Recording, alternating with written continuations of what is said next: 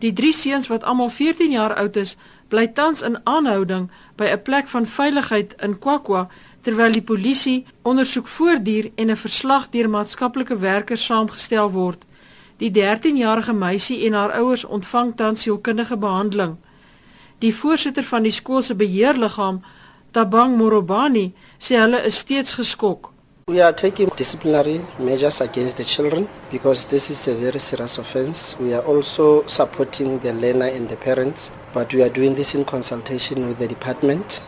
Social development has come on board, parents have come on board, so it's a societal issue. All of us, the community of Louis Bota, but one must really say it's, it's heartbreaking.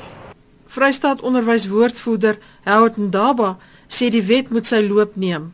The Director of Public Prosecution has directed that we need to do thorough investigation to check the impact of this incident to the victim, which is the learner, and then after that they will take a decision on the way forward as, as to exactly what should, should happen going forward.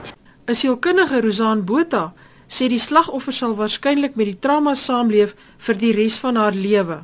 Die groot ding van so 'n situasie is dat dit daai tiener totaal en al buite beheer en dan word sy uitgebuit. Met ander woorde, sy word dan eintlik ge, geboelie, nê, nee, en hulle noem dit mos daai cyberboelies.